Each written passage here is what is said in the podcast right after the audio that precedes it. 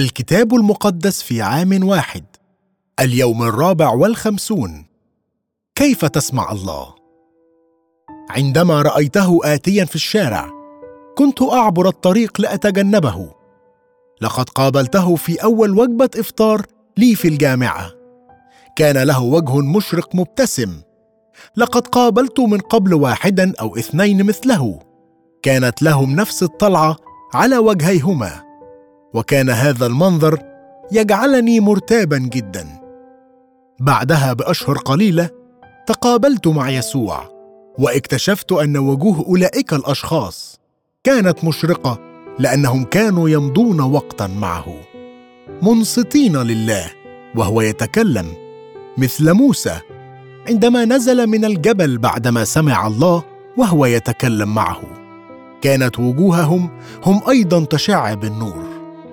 قال يسوع مكتوب ليس بالخبز وحده يحيا الإنسان بل بكل كلمة تخرج من فم الله. تماما كما نحتاج الطعام المادي كذلك نحتاج الطعام الروحي والطعام الروحي يأتي من سماع كلمات الله. اسمع إرشاد الله. عندما نحاول أن نفرض جداول أعمالنا الخاصة أو نجاهد لنعمل ما نود عمله يتولد لدينا إحساس بعدم الراحة الروحية. تستخدم جويس ماير تشبيه عدم الراحة ذلك الذي يأتي من ارتداء زوج من الأحذية التي لا تلائم مقاسنا. عندما نحيا حياة العبادة والطاعة ونتبع طريق الله فإنه يعدنا أننا سنكون في الخير. اليسر لا يعني هذا أن الحياة ستكون سهلة. ولكن عندما نبدأ في اتباع خطط الله لحياتنا فكأنما وجدنا زوج الأحذية الذي يناسبنا ويريحنا. مرات ومرات في هذا المزمور يذكرنا المرنم كيف يرشدنا الله فهو ينصح ويرشد ويعلم ويعطي سره لشعبه. الشعب الذي يرشده. يشرح داود بصورة رائعة. أن صلاح الله يقوده ليعلم حتى الناس الخطاة. لذلك يعلم الخطاة الطريق. حتى رغم أن إثم داود عظيم إلا إنه يعرف أن الغفران متاح وأنه سوف يتم تصحيح مساره بيد الله. حمدا لله. لست بحاجة لأن تكون كاملا حتى تسمع إرشاد الله لكنك بحاجة إلى أن يكون لك توجه متضع. يدرب الودعاء في الحق ويعلم الودعاء طرقه. إن صداقة الله لعابدي الله فهم من يبوح لهم بأسراره. غرض إرشاده. يمكنك أن تتأكد من أن الله سيطلب منك أن تفعل ما هو حق. محك معرفة ما إذا كان هذا الإرشاد من الله هو أن ما يطلب منك أن تفعله هو رحمة وحق. لن يطلب الله منك ابدا أن تفعل شيئا ليس فيه محبة أو أمانة وحق. كل سبل الرب رحمة وحق. يا رب أصلي من أجل إرشادك من أجل أن تنصحني وتعلمني وتبوح لي بسرك اليوم. اسمع كلمة الله. يقول يسوع أن كلمة الله تفوق في أولويتها كل تقليدنا. لا شيء خطأ في التقليد. يمكن أن تكون التقاليد هامة وقيمة للغاية لكن لا ينبغي أن يأخذ التقليد الصدارة على كلمة الله. يهاجم يسوع الفريسيين لأجل استخدامهم التقليد لتفادي طاعة كلمة الله. رفضتم وصية الله لتحفظوا تقليدكم. مثلا يمكن أن تكون مساندة الأباء العجائز أمر غير مريح فيصبح من المغري أن نجد أعذارا تبرر لما لا ينبغي أن نفعل هذا. زعم الفريسيون أنه من المسموح ألا تساند أبويك ماديا ما دمت تقدم المال لله كعطية. قال يسوع أنهم بفعل هذا يعصون وصية أكرم أباك وأمك. مبطلين كلام الله بتقليدكم الذي سلمتموه. أكرم الفريسيون الله بما فعلوه خارجيا. من السهل نسبيا أن تفعل الصواب أو حتى أن تقول الصواب. يمكن أن نطيع كل قواعد المجتمع ومع هذا تكون قلوبنا بعيدة جدا عن الله. لا يكترث الله بخصوص المظهر الخارجي إنما بالقلب. يقول يسوع لأنه من الداخل من قلوب الناس تخرج الأفكار الشريرة. زنا فسق قتل سرقة طمع خبث مكر عهارة عين شريرة تجديف وكبرياء جهل. جميع هذه الشرور تخرج من الداخل وتنجس الإنسان. هذه هي الأشياء التي تلوث حياتنا. وتفسد علاقتنا بالله. يقول يسوع اسمعوا مني. هذا هو المفتاح الإنصات ليسوع. يمضي يسوع ليرسم ما في قلب المرأة السورية الفينيقية.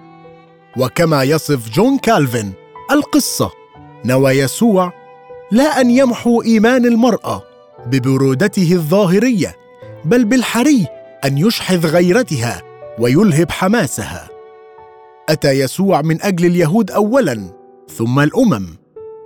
تتبرهن عظمة إيمان المرأة من حقيقة أنها لم تتعرف فقط على من هو يسوع وعلى قدرته السماوية بل كما يمضي كالفن قائلا كونها مضت في طريقها بثبات عبر المعارضة الهائلة فهي مثال عظيم لنا في الإيمان المثابر وغير المتذمر. اسمع خطط الله. يمكنك أن تصبح صديقا لله. يعتبر يسوع من يتبعونه أصدقاء له. كان موسى صديق الله. إن هذا كان ممكنا لموسى آنذاك. فبالأولى يخبرنا العهد الجديد أنه ممكن بالنسبة لك الآن. أعلن الله خططه لموسى. كانت لموسى علاقة غير عادية مع الله. كان في مقدوره دخول خيمة الاجتماع ليسأل الرب وعندما يدخل ينزل عمود السحاب ويتكلم الرب مع موسى ويكلم الرب موسى وجها لوجه كما يكلم الرجل صاحبه. وهذا يصف العلاقة الوثيقة التي لله مع موسى وسرعه سماعه لصوته. صلى موسى أدخلني في خططك علمني طريقك حتى أعرفك. من الواضح أنهما لم يكونا وجها لوجه من الناحية المادية. كان محضر الله مجيدا ومقدسا جدا لدرجة أنه لا يقدر أحد أن يراه وجها لوجه ويعيش. إنها استعارة تشير إلى الاتصال اللصيق والشركة الوثيقة. وهذا هو ما نحتاجه كل يوم أن نسمع الله يتكلم وجها لوجه. وننمو في صداقتنا معه. ما أراده موسى أكثر من أي شيء آخر هو محضر الله. هذا هو احتياجنا في كل الحياة محضره وسلامه. ويعده الرب وجهي يسير فأريحك. هذا هو ما يعدك به الله أنت أيضا. يقول موسى إن لم يسر وجهك فلا تصعدنا من هنا. لقد كان محضر الله هو ما ميز الشعب في القديم عن أي شخص أو أي شعب آخر. إن هذا قبل أي شيء آخر هو ما يميزنا عن العالم المحيط بنا. عندما قضى موسى وقتا في محضر الرب حدث أن جلد وجهه صار يلمع في كلامه معه.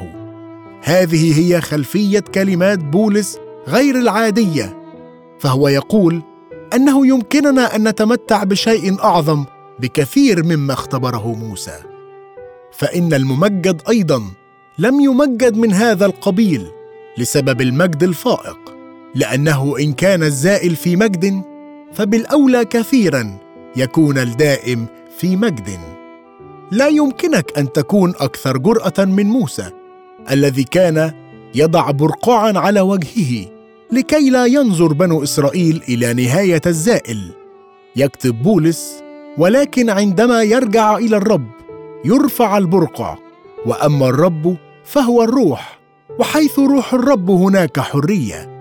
ونحن جميعا ناظرين مجد الرب بوجه مكشوف. كما في المرآة نتغير إلى تلك الصورة عينها من مجد إلى مجد كما من الرب الروح. إنه امتياز غير عادي أن تكون منخرطا في خدمة الروح. مثلا في كل خلوة نهاية الأسبوع نقضيها في ألفا نشاهد الناس تختبر محضر الله وتمتلئ بالروح القدس. وقد لاحظت غالبا التألق على وجوه الناس في نهاية العطلة ولكن لم يقصد لهذه الخبرة أن تختبر مرة واحدة فقط. ثم تخبو مثل لمعان وجه موسى. من خلال الروح القدس يمكنك أن تختبر محضر الله. تصبح حياتنا بالتدريج أكثر لمعانا وجمالا بينما يدخل الله حياتنا ونصبح نحن شبهه. أشكرك يا رب. لأجل وعدك وجهي يسير فأريحك. ساعدني لأسمع صوتك وأتكلم معك وجها لوجه كصديق. ولأعكس مجدك وأتغير إلى شبهك بمجد متزايد أكثر فأكثر. لابد وأنه كان تدريبا غير عادي بالنسبة ليشوع. فقد كان له امتياز أن يتعلم من موسى أعظم رجال الله في العهد القديم. من الضروري أن تجد نماذج تتخذهم قدوة لتتعلم منهم.